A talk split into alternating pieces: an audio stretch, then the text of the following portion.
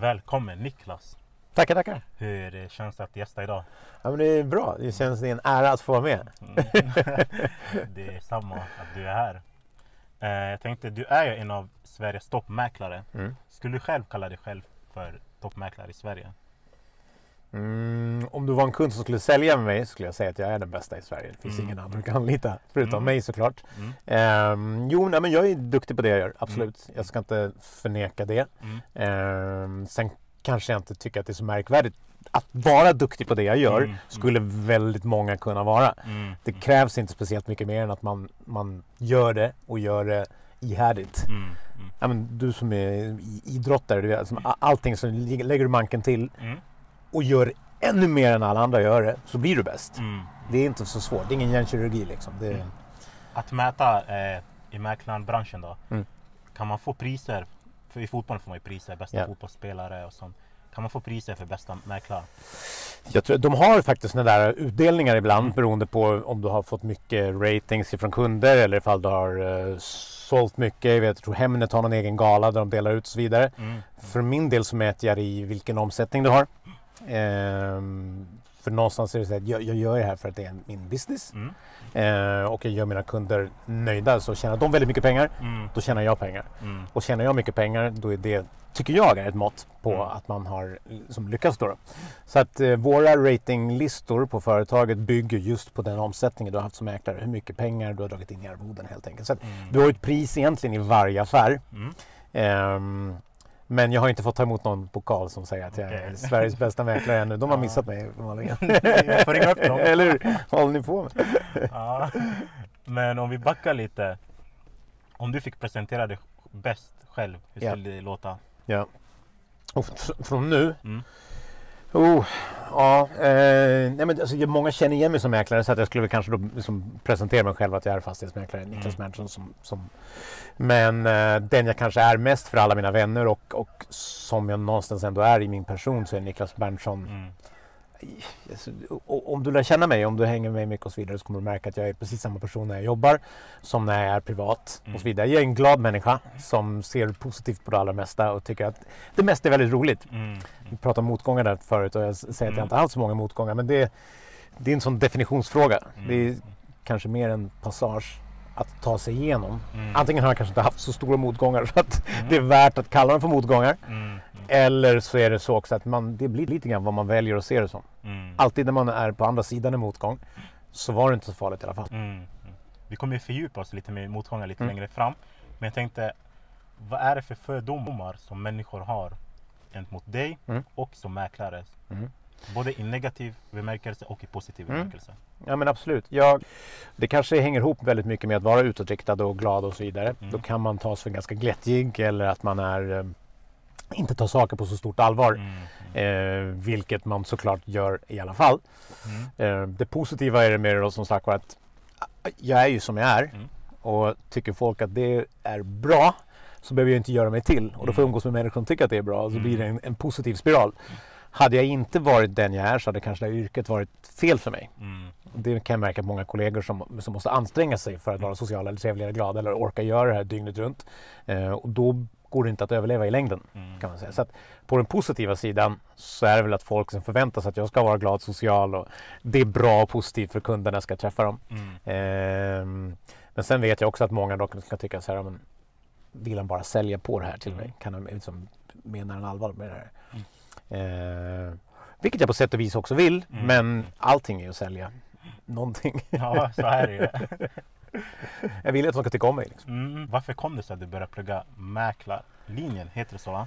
Mäklarlinjen, Mm. ja. Jag, eh, jag, jag var verkligen inget geni i skolan. Eller Mm. mm. geni i skolan, det kanske kan ha varit om jag pluggade. Men jag, jag var inte en...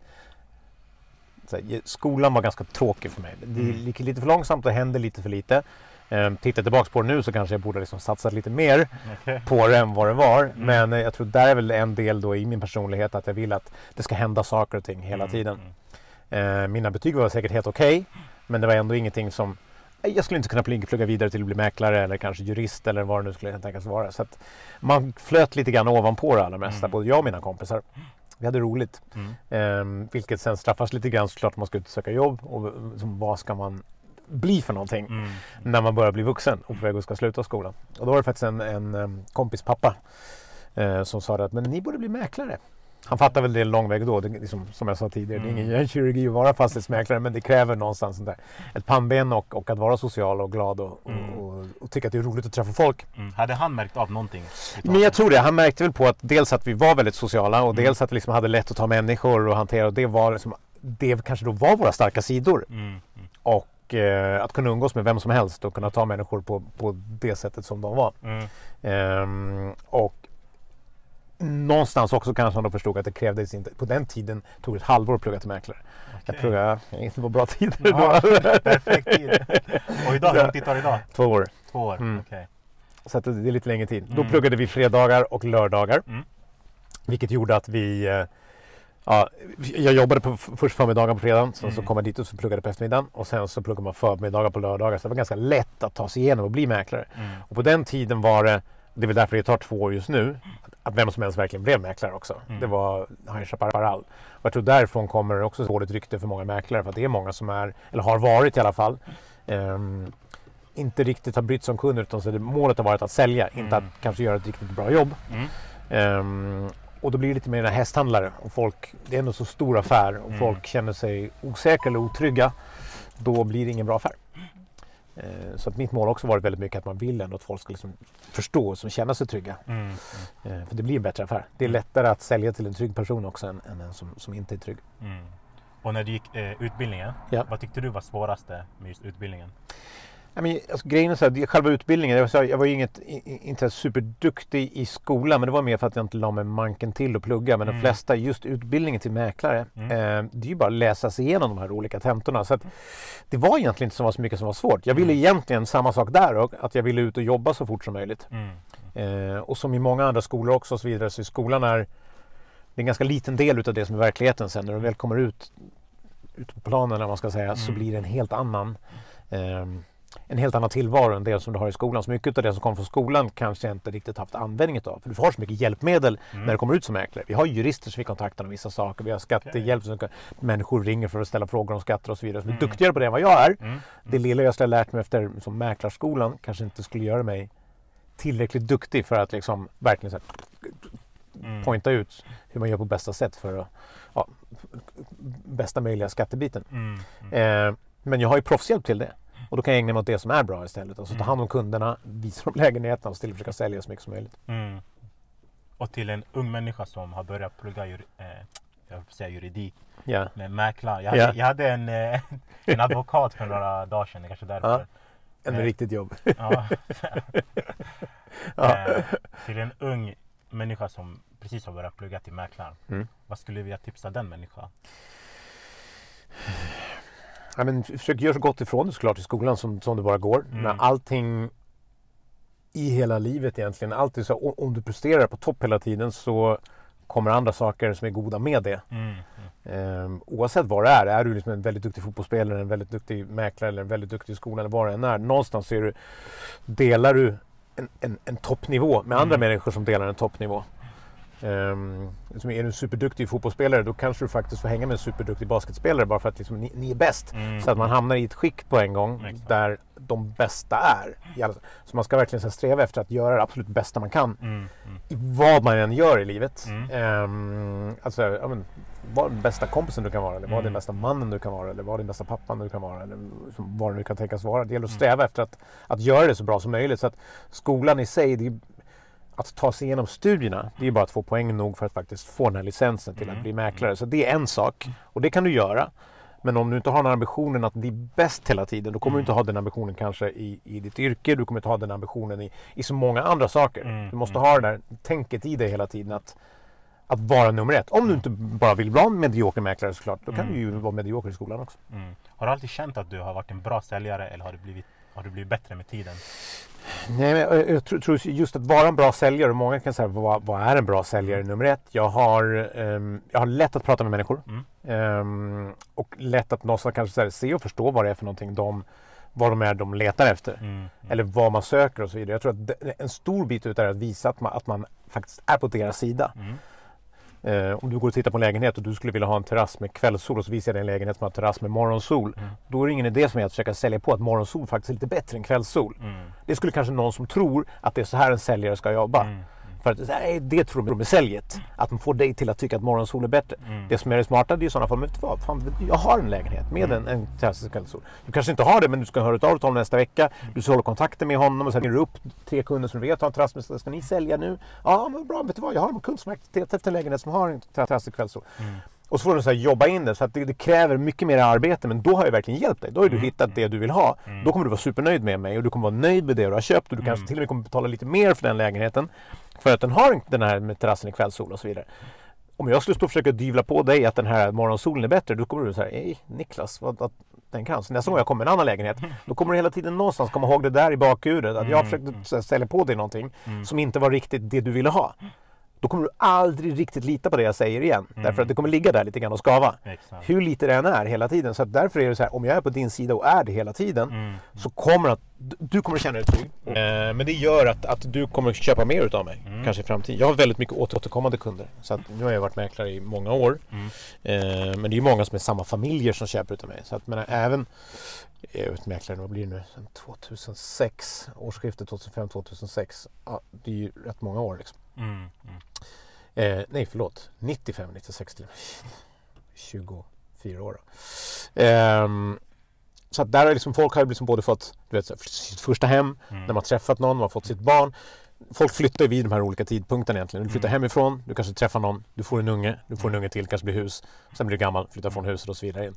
Så att någonstans om man får följa med en kund och sälja de olika delarna eller vara med när de köper de olika delarna framför allt. För att det blir också så här, men jag går till Niklas, för han brukar veta vad jag vill ha för någonting. Honom kan jag lita på och hitta. Mm. Mm. Då börjar det liksom bygga upp det där kartoteket. Så att det, det är väl en sak till man kan säga till en ung mäklare då, som låter ta tid. För det, det kommer ta några år innan du är dit. Folk tittar på Fredrik Eklund som är min kollega från New York och säljer dyra lägenheter. De kanske tittar på mig eller de kanske tittar på någon annan framgångsrik mäklare som ser ut att tjäna miljontals kronor. Och det är vad man tror att mäklarjobbet är. Vilket inte är. Okej. Därför att det är ju så här, du kan hamna där till slut. Mm. Men det kräver extremt mycket arbete. Du kan välja vilken bransch du än vill. Du kan välja att bli fotbollsspelare. Ska du gå in och ska du träna dygnet runt, alla dagar i veckan, två st- stora pass och så vidare. Eller så kan du gå in och så kan du träna med korpenlaget. Mm. Du spelar fortfarande fotboll liksom. Och du är fortfarande mäklare. Men du kommer aldrig vara där uppe och tjäna de där pengarna om du inte är beredd att offra väldigt mycket annat Mm. Mm. för det. Vad du än gör i livet, I guess. Om du ska vara fotbollstränare, då får du offra jättemycket annat för du måste vara på planen och träna med laget så mycket som du gör. Mm. Eh, eller oj, vad du än gör, du måste engagera dig, så här, sk- skola in dig i det. Eller, ja. Mm. Leva ditt liv. jag blev fastnad på det här med återkommande kunderna. Ja. Alltså hur viktigt är ryktet i den här branschen? En Ryktet är allt, ska man säga. Så det, det är varumärket egentligen av dig själv som person eller av ditt företag och så vidare. Det, det, är, det är du. Mm. Och varumärket, det var folk som också så här, tror eller faktiskt tycker, eller tror, för tror det är många som är runt omkring som har en uppfattning om dig som inte känner dig överhuvudtaget. Mm. Så att det är vad du har liksom pumpat in i ditt namn som folk då, så här, men Niklas, han är en människa som säljer väldigt mycket rekord. Sociala medier, alla sådana där saker är fantastiskt. Så att, tittar du på mina sociala medier så skryter jag lika mycket som alla andra gör såklart. Det är mycket succé, det är mycket rekordpriser. Jag skriver inte ut när jag säljer en lägenhet som gick för ett hyfsat pris. Mm. Nej, där är Niklas, han säljer för hyfsade priser. Det går ju inte. Utan man skriver in varje gång det säljs med rekord. Så att s- den allmänna synen utav mig ska ju vara att jag är en mäklare som faktiskt hela tiden säljer med rekord. Eller åtminstone liksom drivs av att försöka hjälpa dig att slå ett rekord. Mm. Mm. Så att jag skulle säga att ryktet betyder väldigt mycket i den här branschen. Och, och det, det är svårt att bygga upp och väldigt lätt att rasera. Och för några år sedan så sålde du en lägenhet som gick på rekordvinst. Mm. Kan du berätta lite mer om den här lägenheten? Hur mycket den kostade som befann sig i lägenheten? Ja. Den här lägenheten såldes på ritning. Den fanns inte ens då. Det var bara luft än så länge. Mm. Det här ligger då ovanpå Scandic Hotel Mm. nere i, vid centralstationen. Så det här är då 19 stycken lägenheter som skulle byggas uppe på det här hotellet. Så Mm. du har som room service, du har allting liksom i hotellet, receptionist, hotellet. väldigt amerikanskt för Mm. första gången i Stockholm. Eh, och då var det faktiskt två stycken lägenheter som var högst uppe på toppen som en kille köpte och slog ihop båda de två lägenheterna och Mm. gjorde en utav dem. Eh, och det blev då Sveriges dyraste lägenhet för 104,5 miljoner kronor. Eh, och det som fanns inne i den då, det var det fanns ingenting som sagt var. Mm. Eh, men jag vet att han byggde om den då tillsammans med byggbolaget innan han flyttade in i den. Så han Mm. la ytterligare några miljoner på den här. Så att den, Det var en fantastisk, fantastisk, fantastisk lägenhet med utsikt Mm. över hela Stockholm. Liksom så här, 360 graders utsikt och fönster från golv till tak. Så, där, så det galet. Ja, bara när du berättar det så får man en bra känsla. Men hur kändes det för dig att sälja en sån lägenhet? Det är av flera olika anledningar. Mm. Dels, det var ett projekt som jag hade fått in med 19 stycken lägenheter. Det är alltid en utmaning. Eh, nu var kvadratmeterpriserna där var det dubbla över vad det normala kvadratmeterpriset Mm. i det området var. Eh, så det var en utmaning såklart att liksom, verkligen lyckas och sälja de här lägenheterna. Mm. Mm. bevisa för omvärlden att priserna faktiskt här håller, att det är här. Och när det är 19 stycken lägenheter då har du verkligen bevis för att det är de priserna. Det är inte bara en affär. Mm. Eh, Så alla de 19 lägenheterna såldes. Att sälja en sån stor, det betydde dels att slå ett rekord av Sveriges dyraste lägenhet. Mm. Jätteroligt för någon som har ambitioner på att synas mycket och skryta mycket och så vidare som, som jag gör. Mm. Ehm, så att för att få vara den som sålde Sveriges dyraste lägenhet, det betyder mycket i PR såklart. Mm. Alltså bygga det varumärket eller bygga ryktet om mig att, att, att sälja de lägenheterna. Mm. Eh, men sen även för projektets skull, att sälja liksom den dyraste våningen, det skapar ju bra marknadsföring för projektet Mm. och underlättar för att sälja ut ett sådant projekt. Mm. Eh, och där säljer du ut ett sådant projekt så tjänar du ganska bra med pengar som mäklare också. Om du har, om du har ett bra arvode. Eh, så att det, det, på flera olika nivåer egentligen. Kan säga. För en mäklare drivs många gånger av två olika saker. Det är antingen pengarna Mm. eller egot. Okej. Och, Vad drivs du av mest? ja, men det, det är en ganska jämn balans där någonstans Mm. emellan. Vi, som jag skrattar lite grann åt Fredrik för han, han brukar alltid säga det. Han sa, "Nej, men det, du kommer komma till en punkt när det är egot som är mer än, än, än pengarna. Mm. Eh, nu har han kanske tjänat lite mer pengar än mig uppenbarligen. så jag fortfarande drivs lite grann utav Mm. att tjäna pengar. Men ganska många fall så är det, det är väldigt roligt att få uppdrag som Mm. är unika eller speciella. Jag sålde en gång en biograf som var ombyggd till, till bara en enrummare. Och jag vet att när jag får in en sån, det är svårt objekt, det är svårt att sälja, det, det kan Mm. ta tid att sälja såna grejer. Men det är väldigt roligt. Mm. Och då drivs du liksom någonstans av det egot för att det är en rolig sak. Du vet att det kommer skrivas om det här, det kommer Mm. stå om dig lite grann och skapa en bra reklam och en hype runt dig som, Mm. som person. Så att i många fall, jag skulle säga jag är nog 50-50. Kanske lite mer åt egohållet därför att jag gillar Ja, men jag, jag gillar ju att typ, så här, klä mig i den rollen av att Mm. vara den här rekordmäklaren också. Och då måste man ju bevisa det om och om igen såklart. Så att varje gång man får chansen att sälja som Sveriges dyraste våning eller Vasastans dyraste våning eller liksom vad det än är Mm. så är det en bekräftelse på att ja, men det stämmer. Exakt. Jag är bäst i Sverige. Mm. Ja. och sen så, så ett företag, när jag kollar på toppmäklaren Mm. så sa någon att ni jobbar på lite annorlunda sätt mot andra mäklare. Att ni inte har öppna visningar. Nej. Är det, stämmer det? I många fall kan Mm. säga, vi, man säljer något som heter underhand, Mm. som det kallas för. Då är, ligger man inte ute på den öppna marknaden som på Hemnet som är ganska vanligt. Säljer du en lägenhet idag, då fotograferar du, lägger ut med som Mm. bilder och planlösningar och så vidare på Hemnet. Medan det finns som en undermarknad som heter underhand som många mäklarfirmor har. Så att går och knacka på dörren hos många av de mäklarfirmorna här uppe på Öster- Östermalm så Mm. finns det säkert många som har så här, du vet, jag skulle vilja hitta en vindsvåning. Mm. Och då kan det vara någon som har liksom den största våningen på Strandvägen. Den vill inte gå ut på Hemnet. Okej. Dels vill du inte visa bilder kanske på konsttavlor och allt sånt där du har Mm. hemma. Och dels så vill du inte vara ute på den öppna marknaden utan du vill sköta det här diskret. Mm. Mm. Då anlitar du en eller två stycken mäklare kanske som hjälper dig med. Vi brukar jobba nu mer med co-broking vilket är väldigt ovanligt i Sverige. Mm. Och det är att jag tar in det här uppdraget eftersom jag inte får marknadsföra det någonstans. Mm. Det begränsar ju det antalet människor som kan se det här såklart. Exakt. Eh, Men då efter nu när vi jobbat nu har vi haft öppet i 11 år snart. Så då bygger man upp det här registret med massor med människor som Mm. är potentiella köpare som söker unika objekt. Eh, och de här kunderna det är ju inte bara potentiella köpare utan det är också människor som är kanske i rätt sfär som kan tänka sig känna den som är den liksom, nästkommande Okej. köparen. Så du jobbar väldigt aktivt Mm. mot de här kunderna också. Hoppas du på att du träffar på någon i andra ledet som kanske kan komma och köpa den här. Mm. Eller om du co-brokar då, som vi kallar det för, att man jobbar med en annan mäklarfirma. Då ringer man upp sina kollegor på någon annan firma. Så du, jag har den här lägenheten, vi delar på pengarna Mm. och vi säljer den. Vilket är superbra, för det är bra för kunden för då hittar de den lägenheten de faktiskt söker. Mm. Det är bra för mig för att om jag inte lyckas sälja den själv så tjänar jag hellre halva arvodet och delar med en annan mäklare. Och han får ju gratis pengar för han behöver bara slussa upp en kund. Mm. Och säljaren blir nöjd för han får sin lägenhet såld. Så alla, alla vinner bara på ett, ett samarbete. Mm. Men eh, i Sverige så har mäklarbranschen varit uppdelad så att man kampen är att få uppdraget. Alltså Mm. du går hem till folk och så pitchar du. Jag säljer din lägenhet och så talar de för hur duktig du är och så en del prutar på arvodet och bla bla bla för att få in det här uppdraget. Och så när du har fått in det uppdraget då har du nästan tjänat pengarna. För lägenheterna mer eller mindre kanske säljer sig självt om du liksom så promotar allting på Mm. rätt sätt och så vidare. Eh, men så att då ta hjälpen, då är det sen, då har du redan fått in det och så kanske du har vet jag, 200 000 eller 400 000 kronor i arvode. Mm. Det vill du behålla själv, för det är så mycket pengar. Att ge bort 200 000 vore helt galet. Mm. Om du inte väljer att vara lite smart på det tänker om jag säljer det här för 200 000 jättesnabbt så är det ju lättare för mig. Plus att jag har ett samarbete med en kund som jag kanske ska sälja 10 stycken lägenheter. Mm. Då är det 2 miljoner Oj. istället. Så att jag menar, man får vara man får försöka så här, samarbeta så mycket som möjligt och hitta de här olika vägarna att få lägenheten såld. För det är ändå Mm. det som det går ut på i slutändan. Liksom. Jag glömde fråga dig, den här lägenheten som du sålde för rekordsumman. Ja. Vem köpte den? Ja, men det, det har ju stått i alla tidningar och så vidare. Jag, En sak som är väldigt viktig många gånger det är att vi inte går ut och talar om Exakt. namn och sådär, vilka som, som köper. Mm. Om inte, i många fall just när man säljer så kan en del säljare vara Mm. väldigt glada eller kan man säga ehm, är det en känd person så är det väldigt lätt att det hamnar i tidningen till exempel. Mm. Och det kan vara en bra marknadsföring för du når ut till ännu fler. Mm. Så säg, skulle du sälja Zlatans lägenhet till Mm. exempel så skulle det stå i varenda tidning i hela Sverige. Han kanske är den sista som skulle vilja att det kom ut men Mm. Mm. om han skulle vilja det så skulle han ha gratis marknadsföring för försäljning utav sin bostad. Mm. Så att, och sen finns det olika nivåer på det där. Så det är ganska många olika. Antingen kanske finns en historik kanske i huset. Du vet så här, Mm, mm. här Axel von Fersen bott tidigare. Mm. Det kan en tidning skriva om. Eller om det är Sveriges dyraste. Eller om det, ja, det kan vara någonting som sticker ut och är lite spektakulärt. Mm. Annars finns det ingen anledning för tidningen att skriva om det. Mm. Men att då har med en kändis eller en känd diskjockey eller vad det kan tänkas vara. Då kan du nå ut väldigt brett. Mm.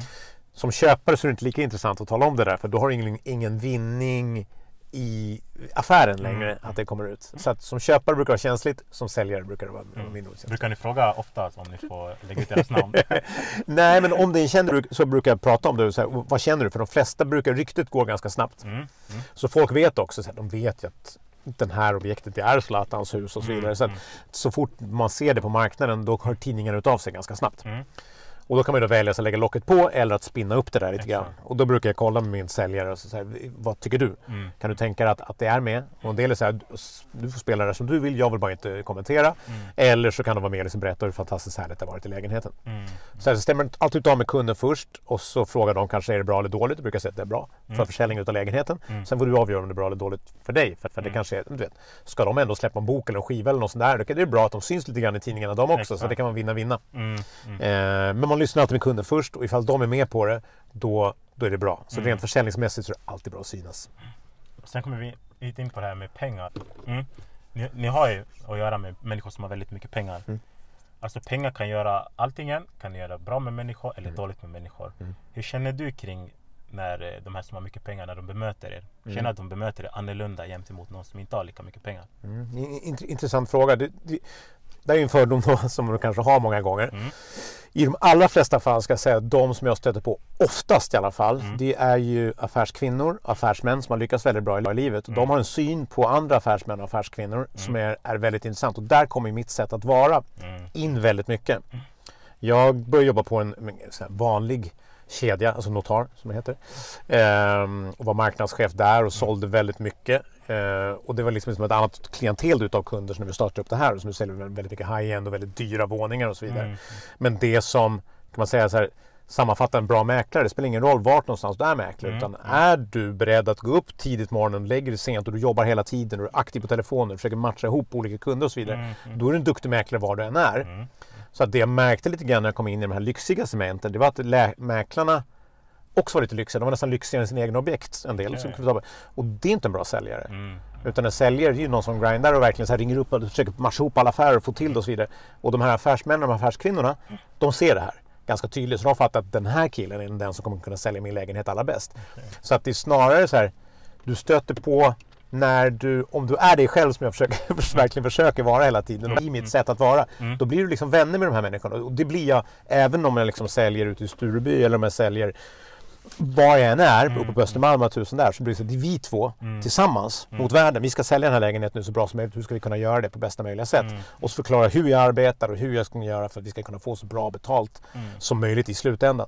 Och det uppskattar de här människorna oftast. Ska jag säga. Mm. Sen finns det såklart också, det finns ärvda pengar, det finns alla möjliga. Så det kan säkert vara... Men det är ju din personlighetsgrej. Om du Mm. har en, en issue med att jag kommer från förorten eller att jag är för glad och ute. Alltså så här, Mm. Hela den biten. Då har du ett problem med, med dig själv oftast Mm. och inte kan se vad, vad är det för någonting som är ett värde för mig i det här. Mm. Och då ska du inte anlita mig heller. Och då gör du inte det. Och det, så länge jag blir anlitad av någon som trivs och är nöjd med mig, då har jag ett roligt liv och, och det blir roligt också. Jag skulle inte vilja bli anlitad av någon som ifrågasatte mig. Mm, För då skulle jag ha ett tråkigt jobb. exakt.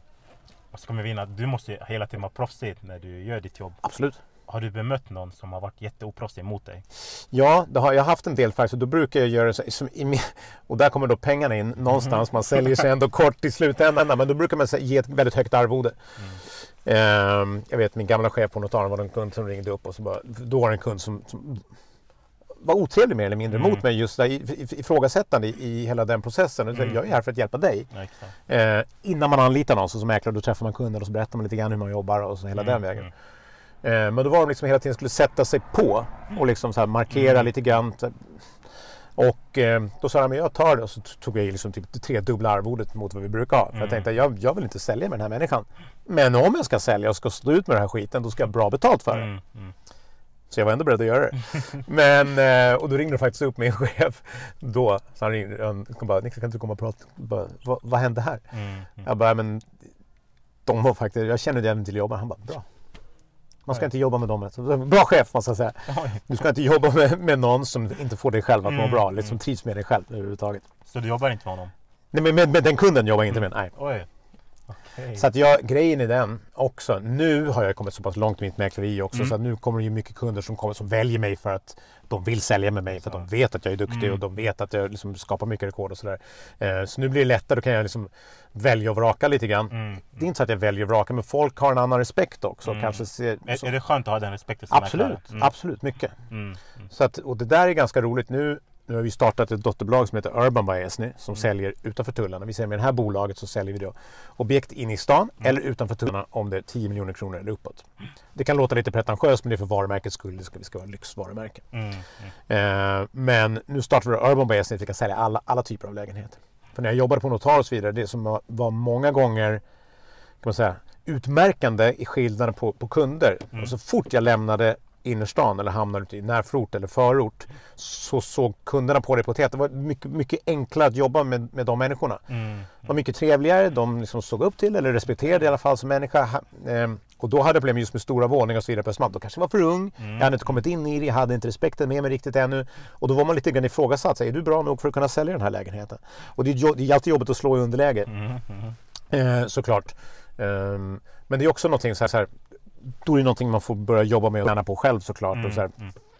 sin egen självsäkerhet och, och bygga på en erfarenhet så att man jobbar bara flera år så kan du ta dig in och sälja de här dyrare och dyrare objekten. För de har ju någonstans rätt också. Så. Mm. Kommer jag där som nyexaminerad 20-åring och så är jag rätt person för att sälja den här 100 miljoner kronors huset. Jag kan ingenting om hus.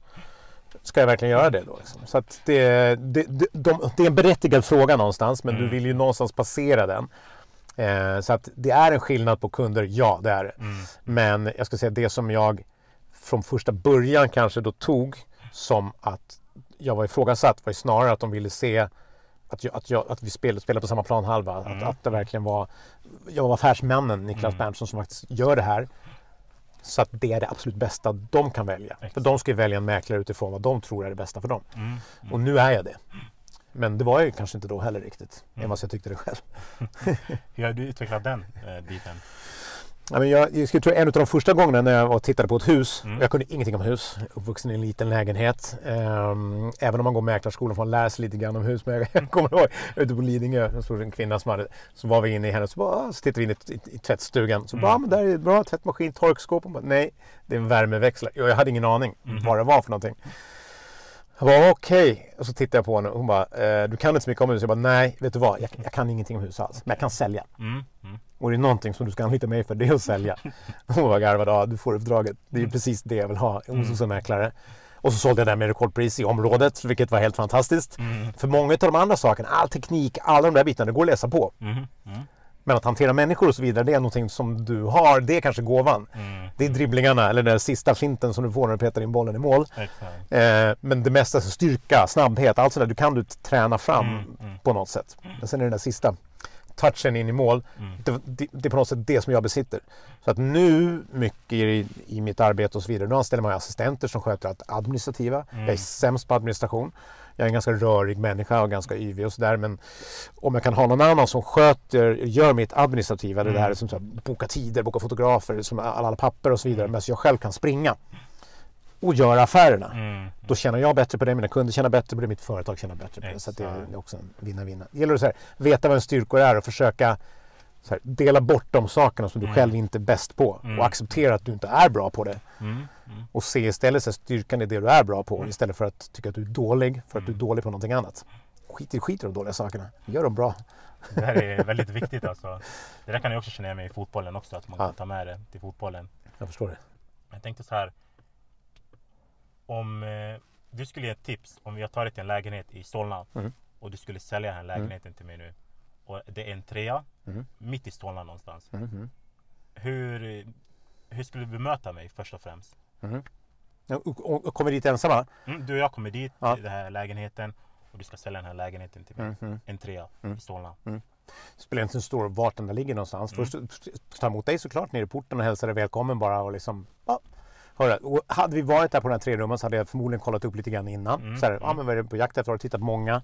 Eh, vad är det för någonting du ska hitta mer specifikt? Och så hade du förhoppningsvis sagt att alltså, jag behöver två stycken sovrum. Mm. Jag vill bo centralt väldigt bra i Solna eh, och jag vill ha bla bla bla. Mm. Och då hade jag, hade jag presenterat det här förslaget för dig så hade jag redan varit ganska mitt på det du faktiskt söker. Mm. Jag hade inte rekommenderat det till dig om du sökte en trea i Huvudsta.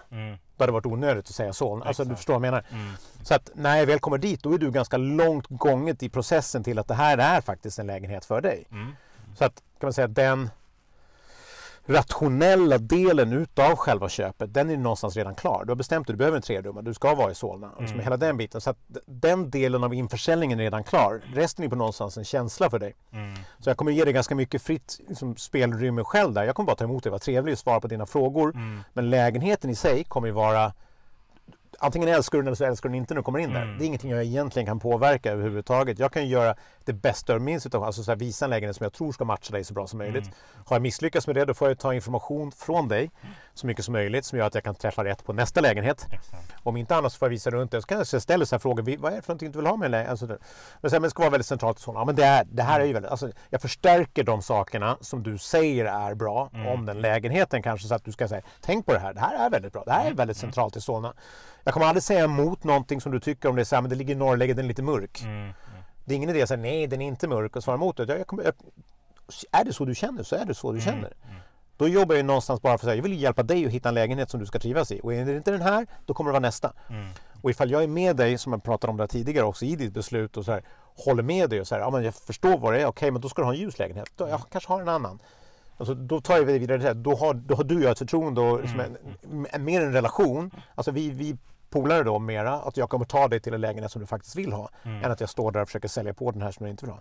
Så jag kommer ta emot dig, jag kommer ta hand om dig så mycket som möjligt, liksom ge dig det fria utrymmet. Sen kommer jag bara gå omkring egentligen vara trevlig och, och, och skön snubbe som pratar med dig så mycket som möjligt. Sen om du gillar den, om du kommer gilla den, kommer jag bara försöka, så här, försöka så här, lotsa dig i hamn. Mm. Att få, fram, få, få dig att ge ett bud.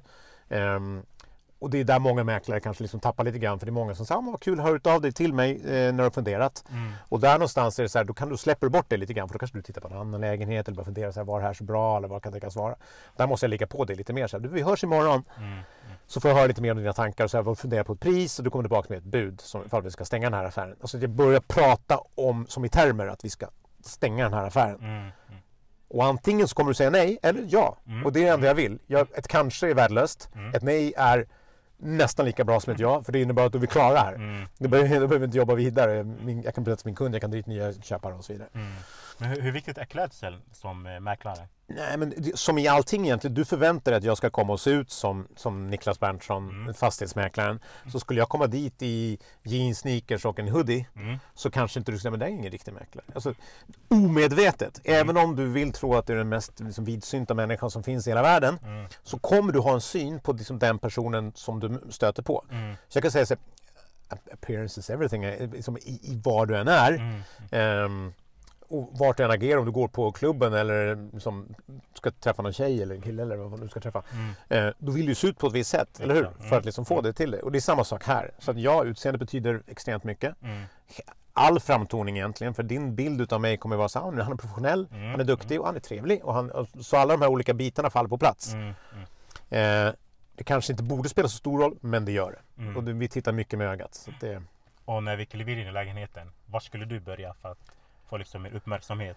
Ja, in, in i lägenheten. Mm. Det beror såklart på vart någonstans bostaden är. Jag brukar Mm. ofta börja från det kanske som är mindre bra och, och avsluta där det är bäst. Mm. Om, om det finns möjlighet till att göra. Eh, för att jag vill att du ska lämna lägenheten med en så positiv och bra känsla som möjligt. Så är det så att du till exempel har haft som krav att du ska, du ska ha en riktigt bra balkong. Mm. Då är balkongen kanske det sista jag kommer till. Jag visar någonting som är hyfsat bra först men sen tar jag bara touren och visar sovrum, badrum, bara får igenom alla de där Mm. bitarna som ändå är bra saker såklart som att titta på. Exakt. Och sen till sista är det till balkongen för det är liksom ah, men det är det här jag ska ha. Mm. Så att du ska ju lämna där med en bra känsla såklart så att du sen går vidare. Och, och, återigen, är det inte den där känslan som får dig till att vilja köpa den, då ska du inte köpa den här lägenheten heller. Jag förstår. Utan, så att någonstans så är det också när du får känna dig fri i att jag inte försöker sälja på dig den här, då är det lättare för dig också att känna att den den här är bra. Mm. Det är inte Niklas som, som säger att den här är bra, utan jag känner att den här är bra. Det är också en viktig faktor. Liksom. Och sen eh, om du skulle liksom måla upp din drömlägenhet som du skulle vilja sälja. Mm. Vad som helst i världen. Hur skulle det se ut och hur skulle det vara? Det är arvodet som skulle se högt ut. Alltså, det här är min drömlägenhet. Berätta lite snabbt.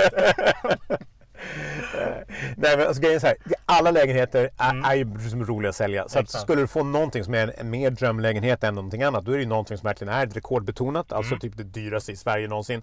Det är alltid roligt. Exakt. Om du har en historisk kanske koppling, typ, ja men, hypotetiskt ska säga, skulle slottet säljas? Mm. Ja, vilken mäklare skulle inte vilja sälja det? Eller Taj Mahal, alltså förstår vad jag menar? Mm. Någonting som verkligen är ett statement att få vara den mäklaren som får det uppdraget att sälja. Det är ju en stor ära att få Mm, ett, mm. ett, ett väldigt speciellt uppdrag att sälja.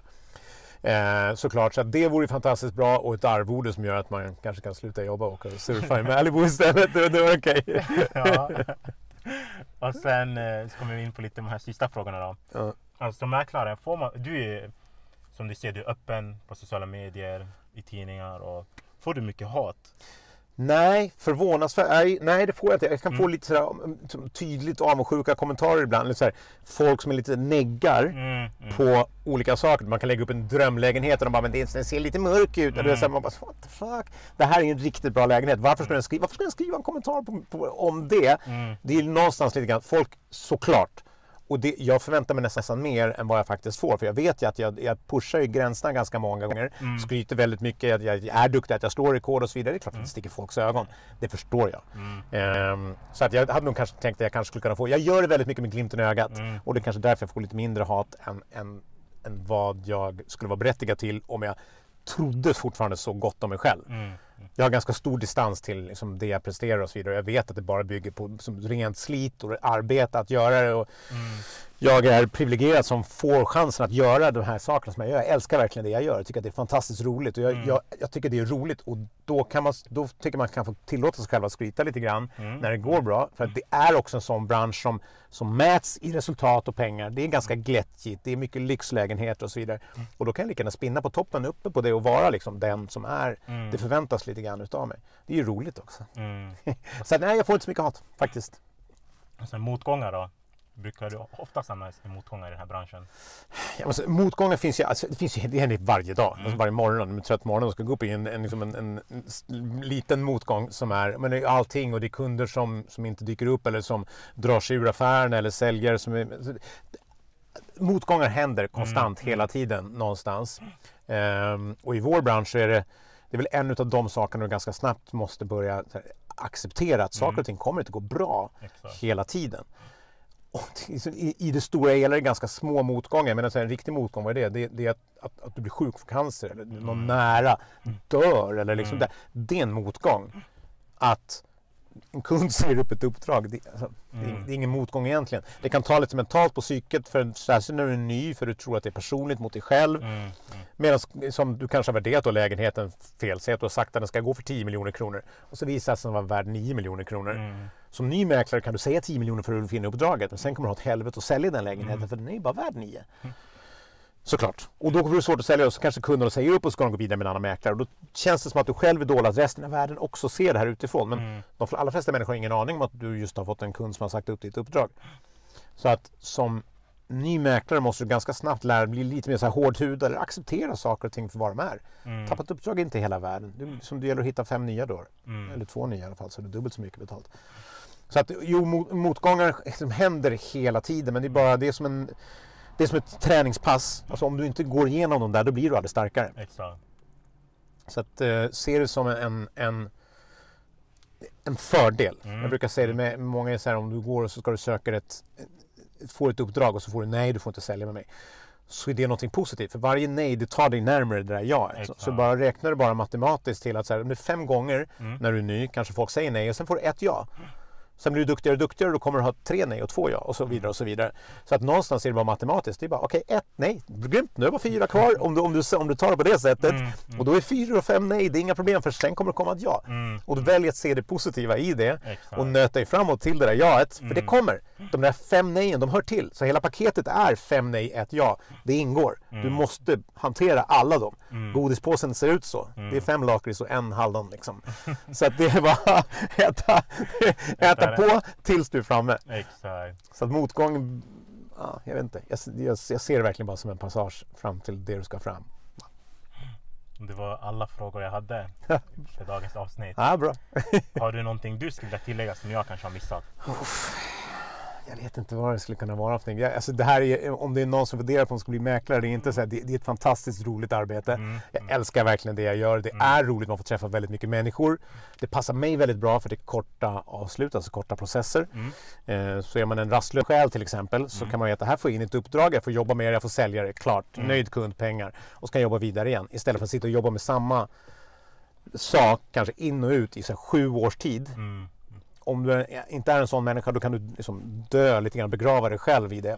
Men det här är ett sånt yrke där man verkligen får chansen att, att, att se mycket ord, träffa olika mycket människor, Mm. göra snabba avslut och faktiskt kunna tjäna bra med pengar. Om du är beredd att jobba riktigt, riktigt hårt. Mm. Mm.